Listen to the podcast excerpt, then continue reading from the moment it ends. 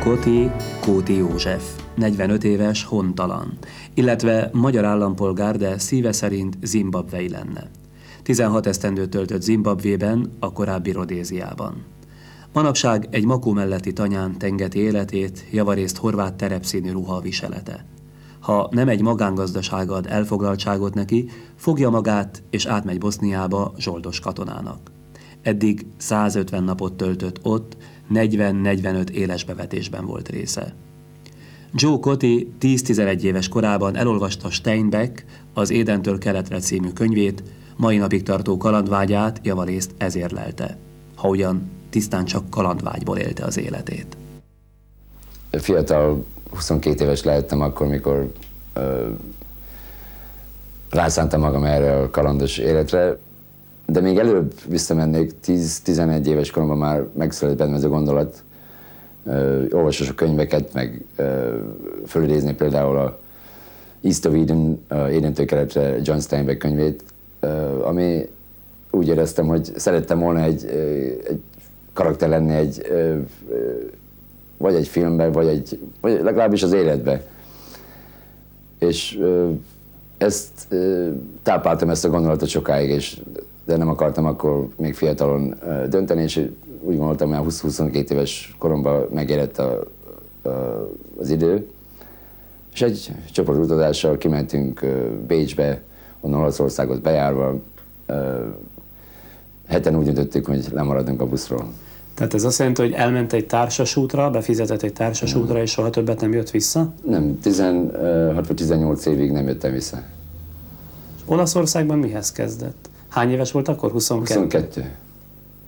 Hát Olaszországban először fölmentünk, én Velencében maradtunk meg a buszról, és onnan fölvittek bennünket Trieste-be, ott három napig voltunk a lágerben, ahol ilyen szűrő vizsgálat volt, hogy ki, micsoda, ki honnan jött, milyen múltja van, és hát a WCC egy, egy vallási szervezet tartja fönn ezt a lágert, minden ellátok bennünket, és akkor választani kell egy országot, hogy hova akarunk menni.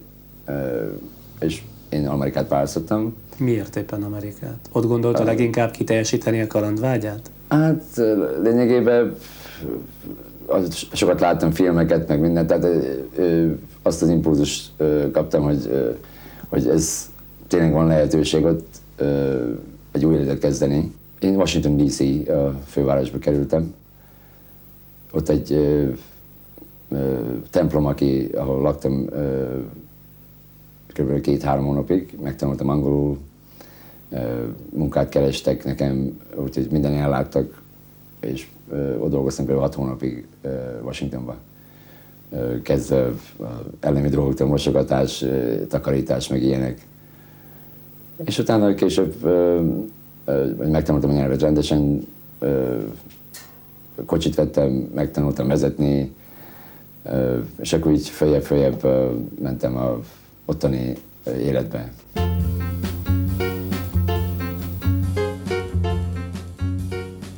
Joe beutazza egész Amerikát, meg akarja ismerni, főleg a mentalitást, amire ő gyerekkora óta vágyott. Két olyan dolog, ami, ami zavarja az embert, aki ilyen kisebb országban nőtt fel, például a, a méretek, a távolságok, és persze a, rettentő sok szabadság. Tehát mi, akik kicsit korlátozva voltunk mindenbe, nehéz volt elképzelni az, hogy minden szabad. Tehát ez, ez egy olyan, olyan dolog, hogy akármit választol, az, az rád van bízva. Ha jó, ha rossz, nem tudja senki, hogy ne, ezt nem válasz, mert ez, ez például nem helyes. Senki nincs, nem a tanácsot. Ön például honnan tudta, hogy mikor tesz jót, amikor a szabadságnak ilyen fokát kínálja az élet? Hát már a végén nem tudtam különbséget tenni, hogy mi a jó és mi a rossz. Hát innen jön az, hogy ö, például ö, itt Magyarországon meg, hogy tudjunk viselkedni. Egyszerűen nem tudok viselkedni, csak én vagyok és én vagyok. Tehát nem tudok ö, például ö, anyám is által mondja, hogy jó viselkedni. Nem tudok viselkedni. Én csak magamat tudom adni. Ezt a, fajta, ezt a fajta szabadságot, tehát Amerika tanította Amerika meg. tanította meg, hogy lényegében innen jön az, hogy határok nélkül, szabályok nélkül és előítet nélkül élni.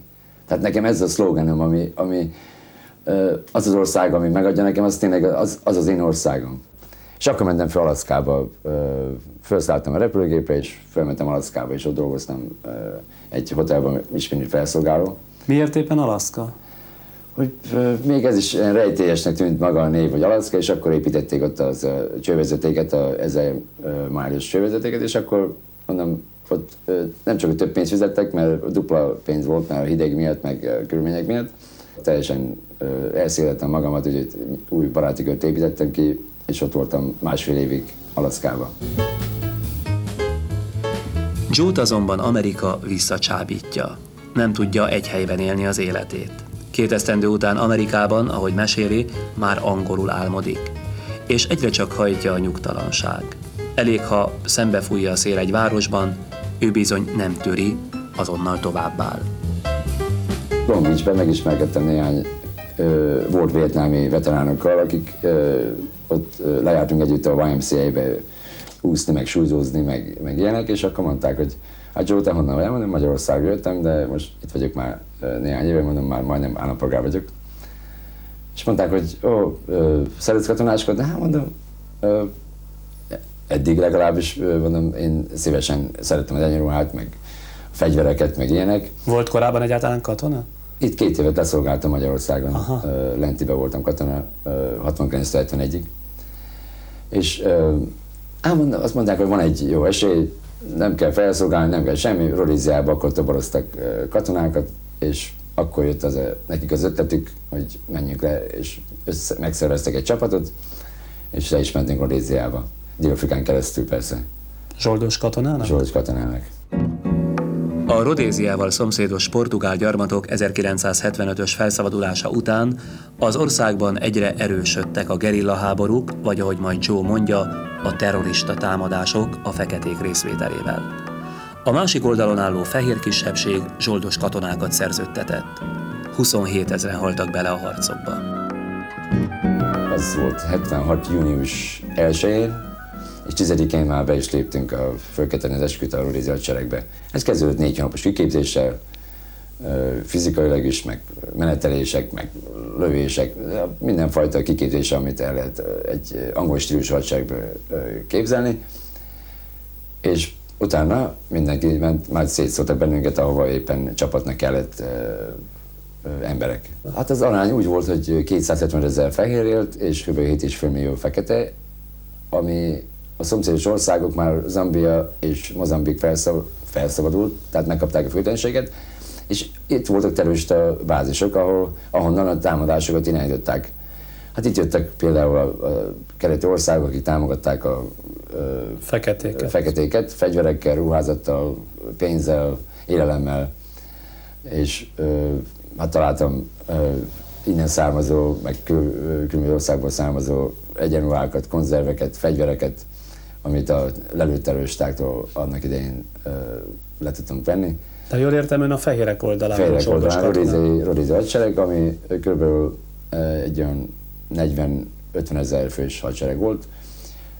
Körülbelül mondhatnám azt, hogy 10%-a volt külföld, a többi az mind uh, helyi uh, srácok voltak. Harare, Zimbabwe fővárosa. 700 ezeren lakják.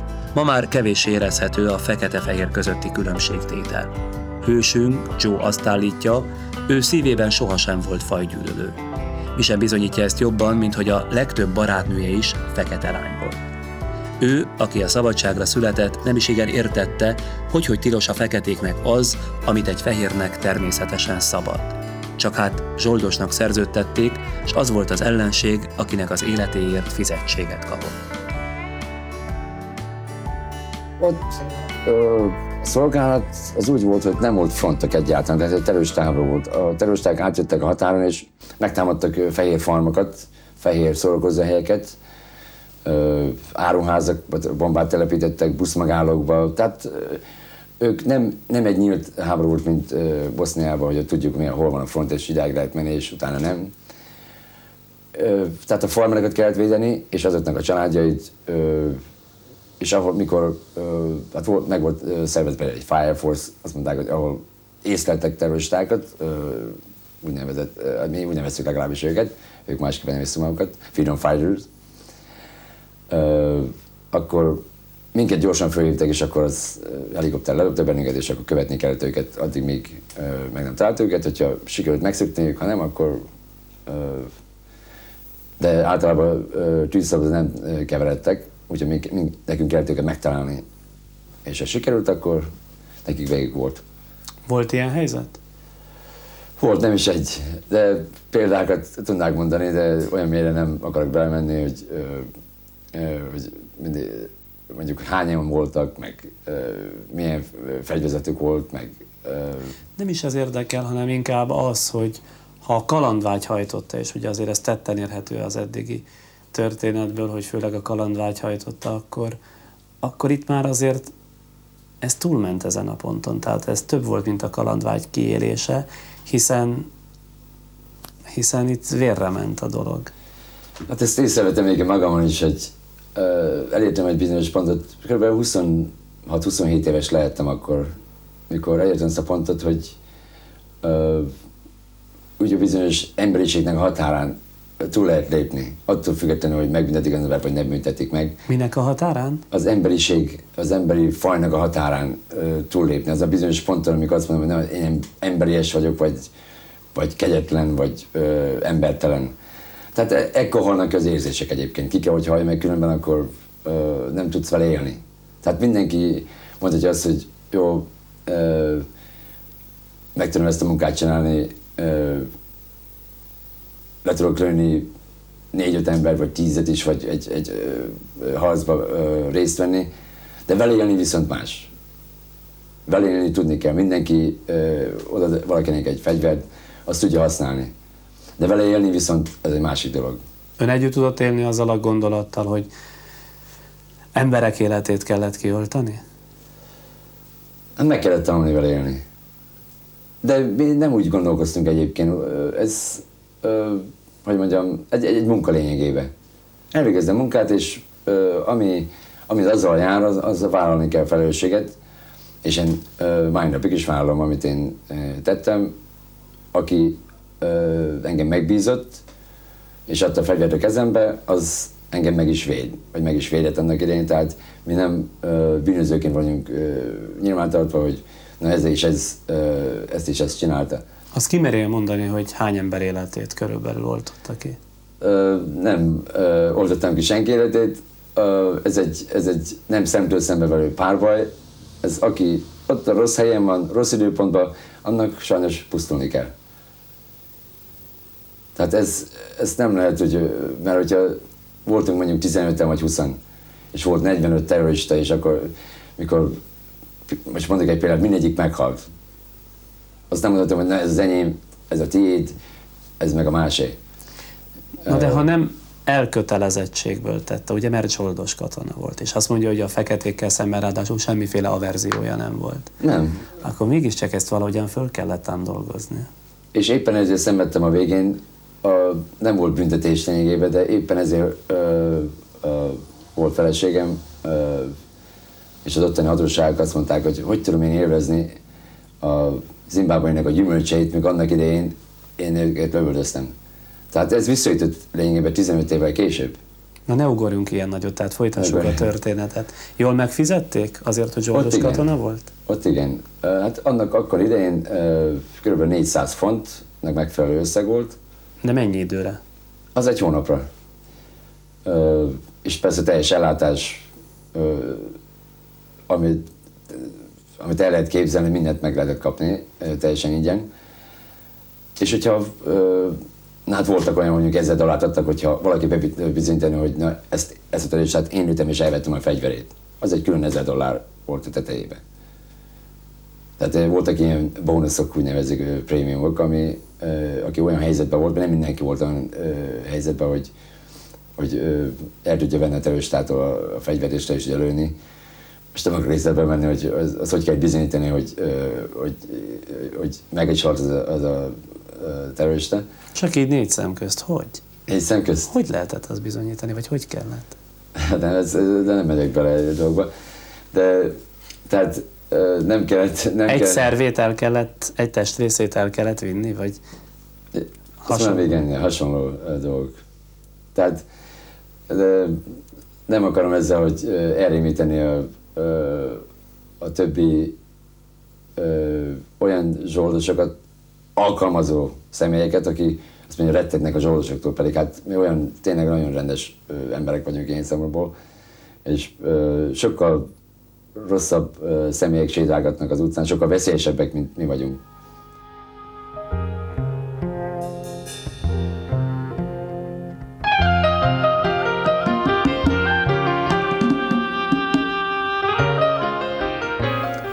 Szépek voltak a helyi fekete lányok?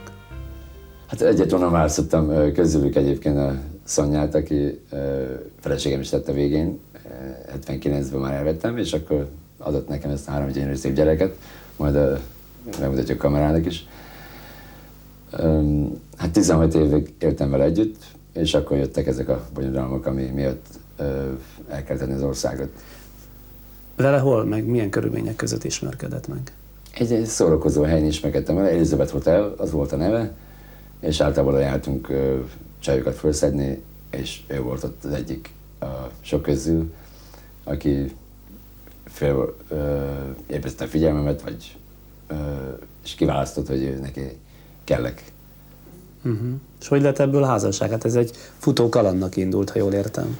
Hát úgy indult egyébként, én sem vettem komolyan az egészet, cserégettem volna más lányokra is, de valahogy úgy alakultak a dolgok, hogy annyira ragaszkodott hozzám, hogy elődöztem még a többieket is tőlem. És akkor így kezdődött az egész. Egy hét, két hét, utána meg a többi, és akkor mondta, hogy nem menném el feleségül, mondom, elveszlek, nem, nem probléma. És akkor így jöttek sorba a dolgok. Na de ez nem nehezítette meg az ön zsoldos életét? Hát hiszen egy fekete lányról volt szó. Épp, éppen ez volt a probléma, és mikor észrevették, hogy hát én fekete családban nősültem, és voltak olyan megjegyzések, hogy nanny lover, meg ilyenek, hogy én szeretem a feketéket, meg minden.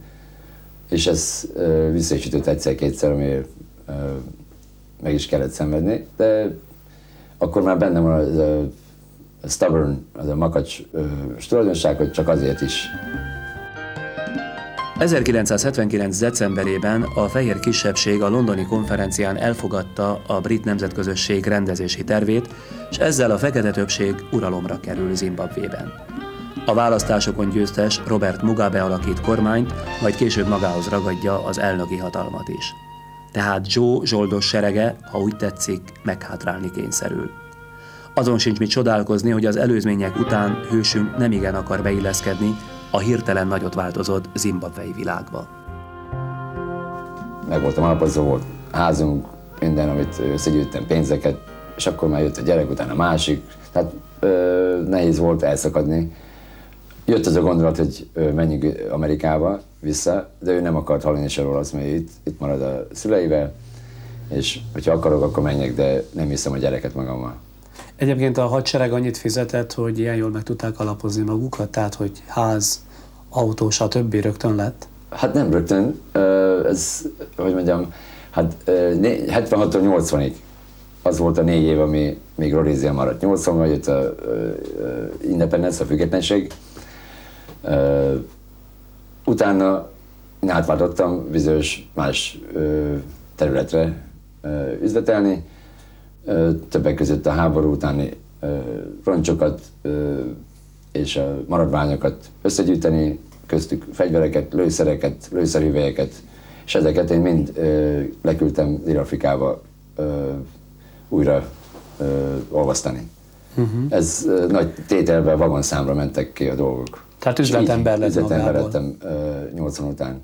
Csináltam egy rendes regisztrált vállalatot, egy bejelentett, regisztrált vállalatot, az én nevemen, meg volt egy fekete társam, és ez egy elég jövedelmező venture volt, ami mondhatom, hogy elértem, hogy a dollárba minimumos lettem. Tíz évig boldogan éltünk, és a 85-től kezdődött a, a probléma, amikor a magyar követség bejött, mert én, mint mondtam is, éltem egy bizonyos időpontban, egy másik néven, amit persze a feleségem tudta. Ott, Ott Rodéziában? Rodéziában. És ö, ők azt akarták, hogy engem nem tudták, hogy ki vagyok. Bementem a követségre, és mondtam, hogy ö, mi a helyzet. Na és persze úgy fogadtak, hogy ö, mi nem adunk magának semmit. Ö, kimondta magának, hogy diszidáljon, maga kereste a maga baját, menjen ahova akar. Mondták a magyarok. Igen. Na, megkaptam a, köve, a papírt a szüleimtől, hogy a anyagjomi kivonatot született Kóti József, 50. október 22, Püspökelányban persze, és ez bevittem a követségre. A házassági kivonattal, a gyerekszületési kivonattal, akkor már volt kettő, még a harmadik után született, és mondom, hogy itt vannak a papírok, én most akarom fölvenni, itt vagyok már 76 óta, szeretném fölvenni az állampolgárságot itten. Hát mondták, hogy most, most nem lehet, szerezzek magyar útlevelet. Ne, még vártam három évet. Addig mindig, minden évben adták nekem a pecséteket, hogy a üzleti célokra, mint üzletemben ott maradhatok. 88-ban ö, kaptam meg, mondta, volt ott egy magyar követ, egy másik volt már akkor, nem akarom a nevét mondani, nagyon jó barátom volt, és nagyon segítőkész volt, teljesen más volt a beállítottsága, mint az előzőnek. És mondta, hogy ő bármivel segít, nagyon sokszor hétvégén eljött hozzám, én is beállítós voltam a követségre, és mondta, hogy hogyha kell, közben a, testvérem is hívott sokszor telefonon, hogy apám nagyon beteg, jöjjek haza, látogatok, mert talán utoljára látom. És ekkor volt az, hogy 88-ban hazajöttem látogatóba, akkor kaptam meg a magyar útlevelet, és száz napot itt töltöttem. Tehát 15-16 év 16 után év után haza. jöttem az először. 88 az 100 napot itt töltöttem, és akkor visszamentem. Joe múltja azonban nem tűnik el nyomtalanul. Figyelik minden lépését, vastag dossziék őrzik zsoldos éveinek egyetlenkedéseit. A hatóság pontosan tudja, hogy ki ő, és nem emészti meg egykönnyen a jelenlétét. Csak fölhívnak telefonon a immigráció, a, a külföldi hivatal, hogy jöjjek be. Mondja, gyorsan megcsinálna nekem a papírokat, ami kell. Mondja, hogy hát már néztem az órámat, 5 óra volt. 4 órakor bezár, mondom, hogy, hogy ö, óra után kell menni. Azt mondja, hogy csak a hátsó bejáratot használjam, és menjek be az irodába. Na, a barátomnak szóltam, mondom, vigyél már be gyorsan, mondom, be kell mennem a ö, irodába. Ön úgy gondolta, hogy ez arról fog szólni ez a találkozó, hogy megadják végre az a- a állampolgárságot?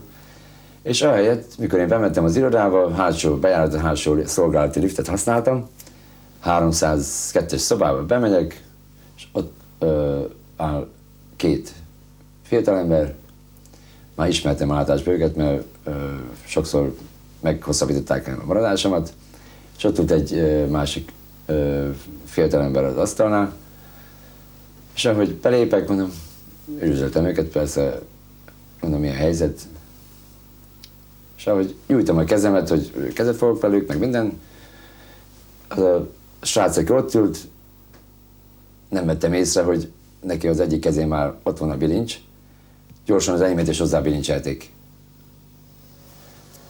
Hát mondom, mi történik itt? És ezt akkor mondta angolul, hogy ezt nem lehet lefordítani egyébként, you flying out tonight, you white bastard. Uh-huh. És kihúzta a, a, a repülőjét a zsebéből, azt adjam az útlevelet. Hát, mondom, és írjam alá a papírt, hogy én önként elmegyek. Én mondom, nem írok rá semmit. Ö, ahogyha akarjátok, vigyetek, de én nem megyek sehova. De előhúzta a fegyvert, azt ne is próbáljuk semmi menekülni, vagy semmi.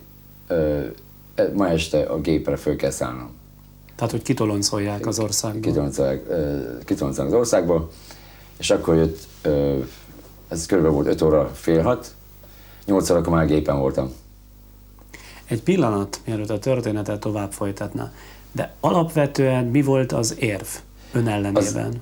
Az, az érv az volt, hogy én egy, hogy nem tudják, hogy, hogy, a, hogy én hon, honnan származok, pedig ben bizonyítottam, hogy honnan származok. Hiszen akkor már megvoltak a megvoltak papírok. a papírok, és, de mégis azt mondták, hogy ö, angol azt mondják, hogy undesirable character.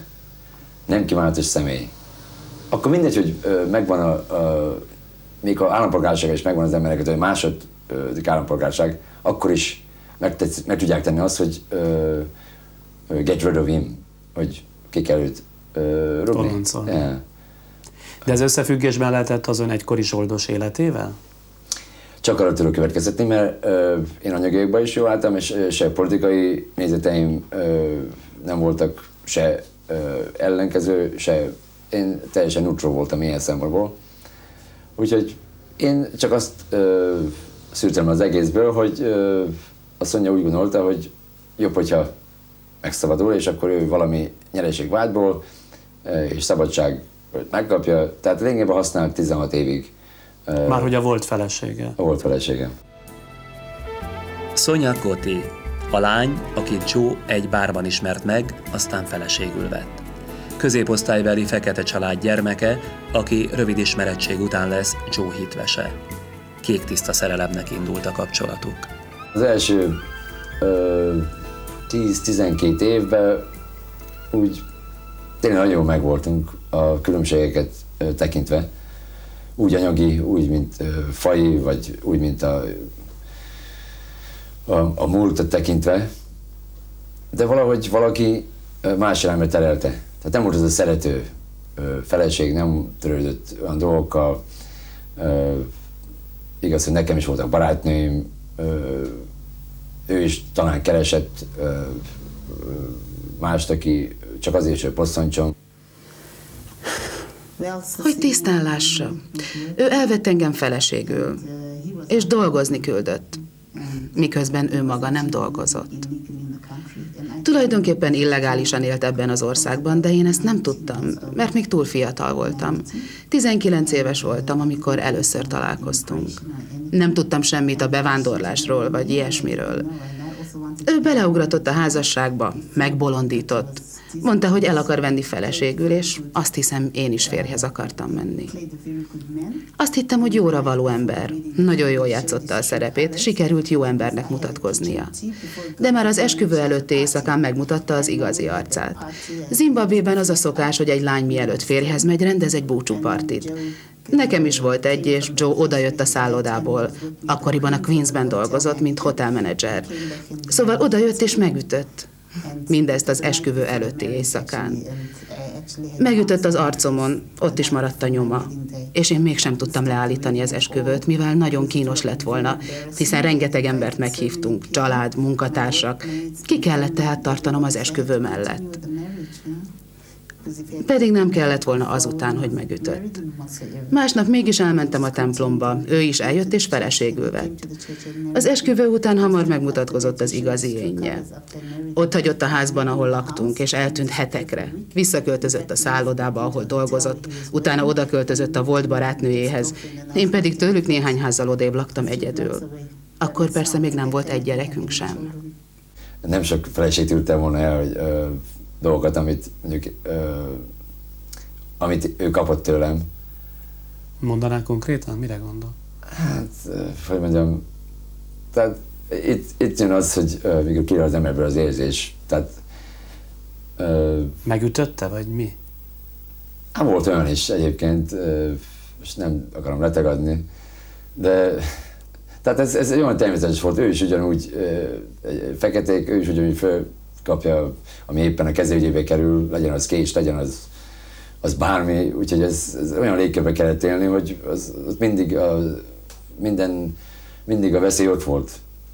Tehát a rokonai, meg minden, tehát el akarták venni azt, ami neked van, és el akarnak, tehát ki akarnak, inkább ők akarnak téged rabszolgává tenni, mint én őket. Tehát ez, megmaradt az a fajta különbség, ami hosszú évtizedeken, meg évszázadokon beidegződött az ottaniakba? Tehát ők most meg akarták fordítani az egészet, hogy inkább a fejléget használták ki, akik, akik tűrték, és nem fordítva. de mégis, hiába voltunk, most már lementünk kb. 100 ezer, akkor is a fehérek kezében volt minden. És ön úgy gondolja, hogy a feleség egy idő után fölismerte azt, hogy mindent megtarthat, minden megmaradhat, csak ha öntől megszabadul, akkor válik igazán függetlenné, szabaddá? Ez e, pontosan így van. És hogyha minél messzebb vagyok, annál kevesebb az esélyem, hogy bármibe is beleszóljak, vagy hogy visszajussak még egyszer. Jude tehát egy szép napon négy fegyveres erőszakkal kiviszi a Hararai repülőtérre. Hivatalosan úgy indokolták, mert nem kívánatos személy, kitoloncolják az országból. A családtól sem tud elbúcsúzni, csak telefonon. Akkor 90 napot itt dolgoztam, különböző helyeken, általában tolmácsolással kerestem a pénzt, és össze dolgoztam annyi pénzt, hogy vettem másik egyet vissza. Tehát, hogy visszamenjen hogy Rodéziába. Időközben volt bármiféle kapcsolat a feleségével? Volt beszélt? telefonok, táviratok, levelek, tíz évvel, százával, hogy rengeteg pénzt rákötöttem a telefonálásokra és meg a dolgokra. És ő hogy reagált? Hogy reagált arra, ő hogy sajn, ő mutatta azt, hogy sajnálja a dolgokat, és hogy ö, mi van, de ugyanakkor éreztem, hogy ez neki pontosan megfelel a tervének. Na, összespóroltam annyi pénzt, és vettem másik helyet. Ebben az időben most nem Rodéziát választottam, nem Zimbabwe-t, hanem Zambiát. A szomszédos országot. Szomszédos országot. Kimentem Frankfurtba, előtte meglátogattam a nővéremet Németországba, onnan Frankfurt, Frankfurt, Lusaka. Vettem jegyet, 3000 márka volt a jegy, és megérkeztem Lusakába, július 7-én.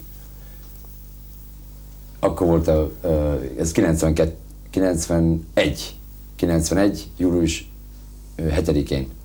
Akkor volt a fiam pontosan 5 éves. Születésnap, július 7. És felírtam onnan Luszakába egy hotelból, hogy itt vagyok, nem is mondta, hogy honnan hívsz. Hát mondom, itt vagyok Luszakába, szomszédos országban mondom, hívjál vissza gyorsan, megvettem a számot, és visszahívott. Beszélgettünk egy jó darabig, azt mondja, nem menj sehová, jövünk át, átadtam a gyereket, és beszélgetünk. Ön tulajdonképpen ezzel a szándékkal is ment oda, hogy legalább lássa a három gyereket? Nem, nekem az a szándékom volt, hogy én, én ugyanúgy, ugyanaz a napon, vagy egy héttel később én átmegyek a határon. Tehát, hogy visszamegy Rodéziába. Visszamegy Rodéziába, csak azért is, hogy bizonyítsam, mert ezt tudtam, hogy egy, egy, egy, egy kidnapping, hát ez, egy, egy, egy rablás volt, hogy elraboltak lényegében. Nem volt egy, egy papír arról, hogy nem egy rendelet volt, hogy miniszter, hogy azt mondja, hogy ezt, ezt teljesen ilyen backdoor alapon csinálták meg egy, hogy mondjam, belső valaki kitalálta, és akkor, tehát nem volt rá joguk. Tavaly, amikor a születésnapja volt, október 22-én, küldtünk egy táviratot neki, azaz a gyerekek küldték, hogy boldog szülinapot, apu. Azzal válaszolt, hogy ő is küldött egy lapot a barátnője fotójával, és az volt ráírva, hogy neked is boldog szülinapot. Szóval azt hiszem nem igazán változott azóta, hogy elhagyta az Zimbabvét. Mielőtt elment, viszonya volt egy zambiai lányjal. Úgy hívják Chama. Azt hiszem, ő miatt tért vissza Zambiába Magyarországról, és töltött ott majdnem egy évet. Szerintem folytatta azzal a lányjal a kapcsolatát. Na, és ez fölhívott telefon, amikor visszaért uh, Harariba, hogy uh, közben azt mondja, hogy volt egy kis probléma, nem tudta vezetni a üzletet rendesen, és eladta a házat. Az önpénzzel vásárolt házat? Az, azt, mi ketten vettünk házat, uh-huh. ahol a, ö, éltünk 83-tól 90-ig. És mondom, mennyire adta el? Azt mondja, másfél millió dollár. Mondom, jó, hát mi vettük 30 ezer dollárért annak idején. És mondom, jó van, akkor a felét mondom, szeretném mondani pénznek. De mondom, fele legyen egy hamar neked, egy hamar a gyerekeknek, egy hamar az enyém akkor megosztjuk a dolgokat. Na azt mondja, jó van, ameddig itt maradsz, én elláttak téged mindennel, nem kell dolgoznod, ö, marad minden úgy. Tíz nap után azt mondja, nincs több pénz. Tehát El, nem elfogyott, nem küld több pénzt. Nem mondom, jó van. De egyébként is most már, már régen terveztem, hogy átkelek. Hát a Zambézi az a határa, a Afrika másik legnagyobb folyója, mondom, ezen átkelek. Az Zambézin? Az Zambézin. Tudomásom szerint tele van krokodilokkal. Tele van krokodilokkal, és ö, nem sokan próbálták eddig. Akik próbálkoztak átúszni, vagy bármilyen ö, módon átjutni, nagyon nehéz átjutni rajta. Nem mondom, én megpróbálom. És 93. május 30-31-én átkeltem a Zambézin. Joe 800 kilométer tesz meg, míg elér egykori lakhelyére a fővárosba. Úton útfélen igazoltatják, de mindig megmenekül régóta őrzött jogosítványa segítségével. Egykori házuknak már csak hűlt helyét találja, építkeznek rajta. Az új ház a város kevésbé előkelő negyedében van. A kapuban őr fogadja, aki mert nem ismeri, nem is akarja beengedni. De a gyerekek hangjára előjönnek, és betessékelik apjukat. Hazatért a anyósom is, a Róda és a Szonya is, és akkor hát nagyot néztek, hogy hogy tudta átjönni. Mondtam, jó úszó vagyok, mondom, hát Zambézi, mondom, nekem nem, sem, nem számít semmit. De azt mondja, nem ment sehová, meg minden elkapnak, meg minden. Akkor vége a, az üdülésnek. Hát három hétig ki sem mentem a házból, ott bujkáltam, minden, mindent hozott, amit csak kellett, néztem a videót, gyerekekkel ott eljátszogattam, mert volt szolgák vannak minden házban, egyébként nem kell semmit csinálni. Hát azt pontosan azért ne haragudjon, nem értem, hogy ha tudta, hogy a felesége a korábbi önfeladásában, ha nem is aktív részes volt, de minden esetre tevékenyen azért mégiscsak hozzájárult ahhoz, hogy onnan kitoloncolják, hmm. akkor miből gondolta, hogy ez alatt az egy év alatt olyan nagyot változott? De én erre ö, számítottam is egyébként, és éppen azt akartam, hogy a drasztikus ö, utat válassza. Tehát azt mondom, vagy följelent, vagy nem. És ö, három hónapig minden rendben volt. Nem jött senki, mert utána két-három hét után már kiismerészkedtem, elmentem mindenhova, minden, bemutatott barátainak is, akik újaknak is, meg a régieknek is, hogy jó, visszajött, mint hogyha legálisan visszajöttem volna. Tehát, hogy lassan beszivárogtam, mint hogyha megszokták azt a gondolatot, hogy, hogy Joe visszajött. És akkor megint volt egy, egy ilyen domestic affair, olyan helyi ö, probléma, veszekedés, meg ilyenek, hogy jöttek pakisztáni vendégek, meg minden ő, importált olyan dolgokat, ami én nem egyeztem bele, és ment olyan helyekre, ahol én megint nem engedtem volna. Repült Ausztráliába, Dubajba, Karacsiba, mindenfele, tehát igazi üzletasszony lett belőle, és engem ki akart vágni, mondom, add ide a pénzt, ami, ami még tartozik, és akkor én visszamegyek abba az üzletembe, amit én csinálok. Persze erről azt mondja, be van fektetve, nincsen lóvé. Na, így van, mindent három hónapig. Ön tulajdonképpen ekkor már csak a pénzért harcolt? Tehát mondjuk azért a jósáért, ami a volt házból önt megillette? És próbáltam helyrehozni, mondom, beszélj a, a, a, miniszterrel, aki az ottani dolga, hogy, hogy mi is történt akkor, hogy engem hogy ö, ö, raboltak el annak idején. Tehát egyfajta elégtételt is akart azért. Hogy? Egyfajta elégtételt is elégtételt, és hogy legalizálják az én ö, helyzetemet ott. És azt mondta, hogy nem, jobb, hogyha így maradok. És három nap után ö, megramozták a házat. Egyszerűen ö, reggel, mikor én fölkeltem, elvittem a gyerekét iskolába, már akkor minden, és ö, rendőrség, az ottani ö, immigráció, megramozták házat, és elvittek, megint ugyanúgy elraboltak, mint akkor. Azt hiszem, ő semmilyen szabályt, semmilyen előírást nem tűr el.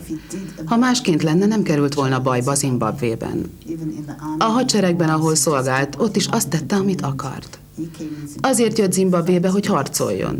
Ide jött, és utána illegálisan maradt itt, és csinált hülyeségeket, mindaddig, amíg ki nem rúgták. Valószínűleg ez volt a probléma, ami az egészet elindította. Rossz dolgokat művelt, például kábítószeres lett. A tény az, hogy őt már kirúgták és illegális bevándorlónak minősítették azelőtt, hogy engem elvett volna. De ezt nekem nem árulta el. Mindaddig, amíg később a rendőrség nem kereste, el nem vitte és be nem zárta. De ő tudta, hogy mit csinál, és akárhányszor vitatkoztunk, olyasmit mondott, hogy ő engem valamilyen célból vett feleségül. Persze én nem tudtam, mi volt az a cél. Soha nem járult hozzá semmivel a házasságunkhoz, pusztán csak szerepet játszott. Én pedig ostoba voltam, és eltusoltam mindig mindent. Úgy tettem, mintha minden jó és rózsaszín lenne. Valójában azonban semmi sem volt rendben. Joe-t letartóztatják. Hét próbás bűnözők között találja magát. Már a börtön is olyan, mint egy lepusztult istálló. Bár fogad ügyvédet, de mint állítja, felesége túlfizette, csak hogy semmit ne tegyen érte. Ha nincs a magyar külképviselet, szerinte végleg ott marad.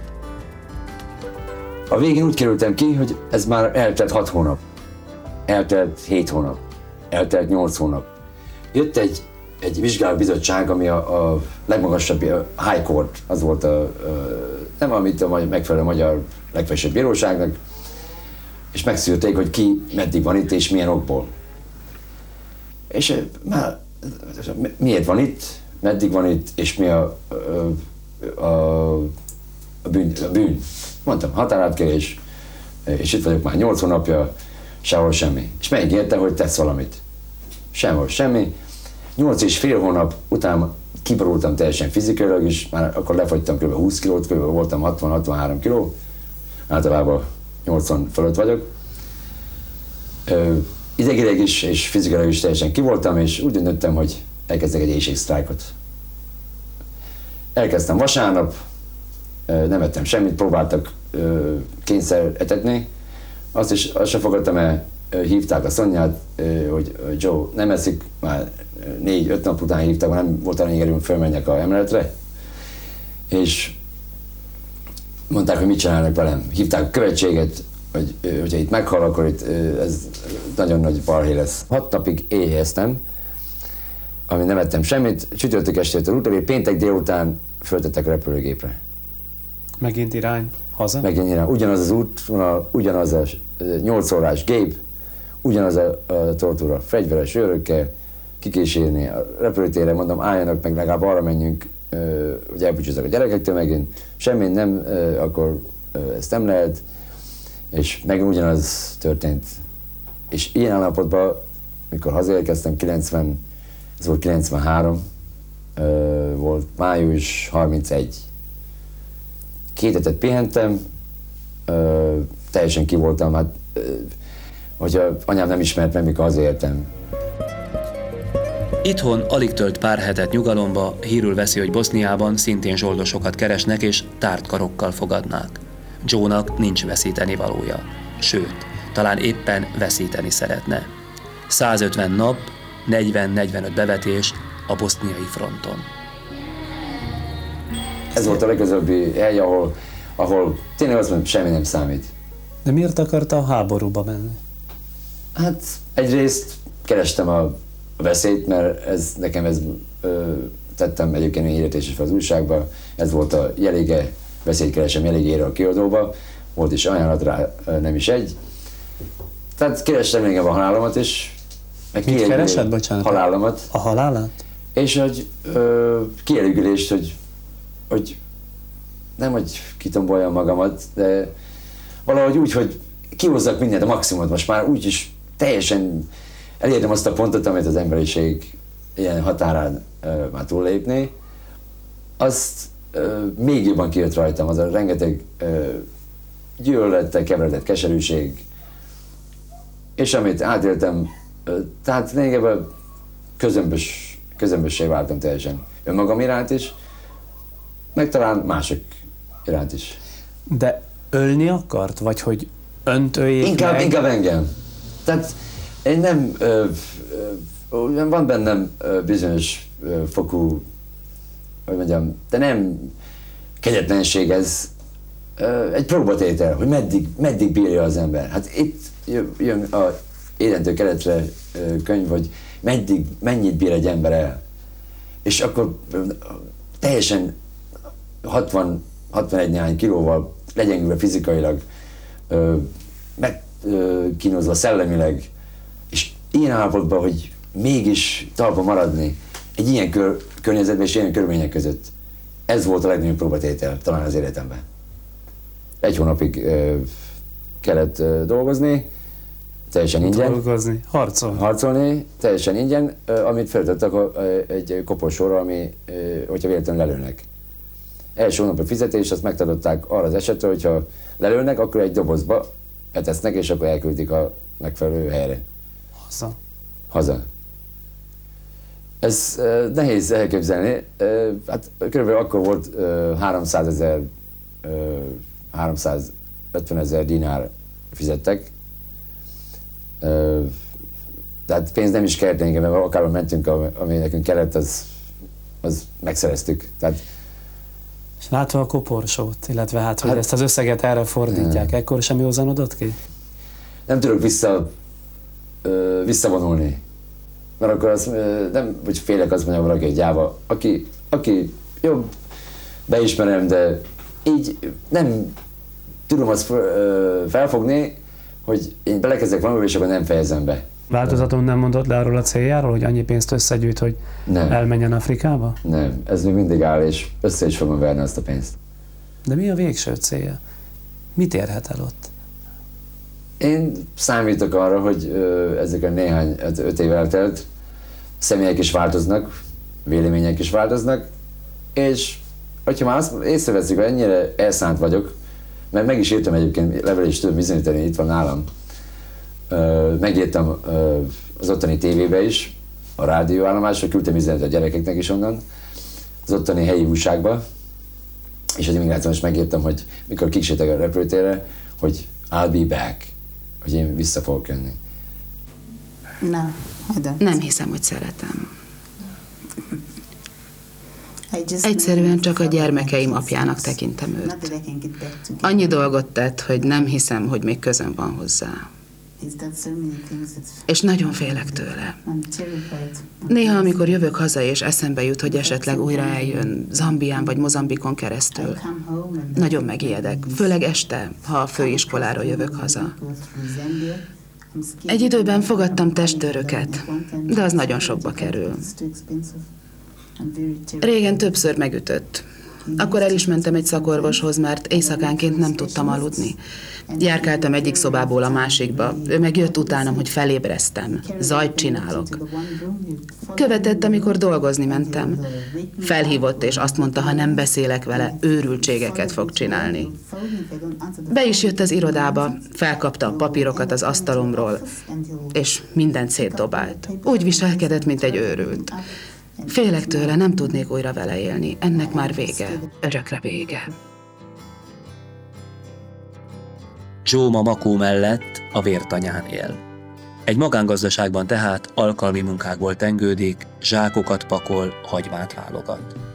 Naponta legfeljebb fél tucat munkatársával és főnökével találkozik. 10-12 órát dolgozik, majd betér egy fröccsre a közeli kocsmába. És közben minduntalan azon tűnődik, hogyan jusson vissza ismét Zimbabvébe. Azt állítja, nem vereségre született.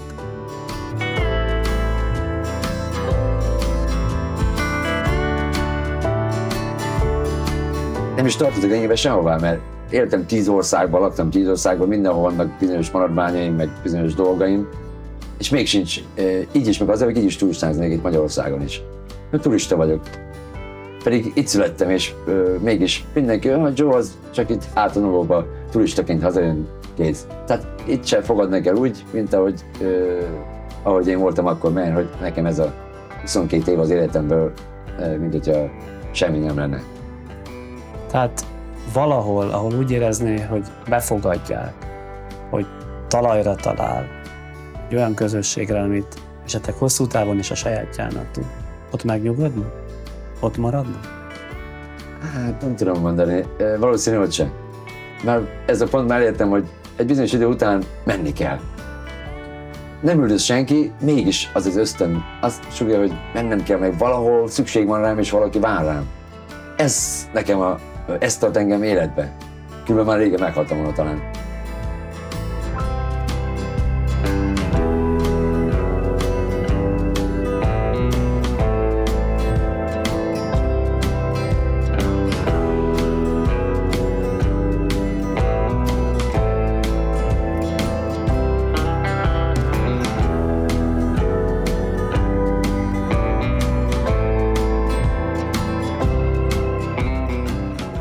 Semmi se garantált lényegében. Egyik napra másikra meg tud változni az egész. És ezt a felfogást az emberek többsége hiszi, hogy ez mindig így marad. De ellenkezőleg nagyon kevesen, mint én, ö, ö, hiszik azt, hogy ez minden temporary, minden csak időleges, ideiglenes.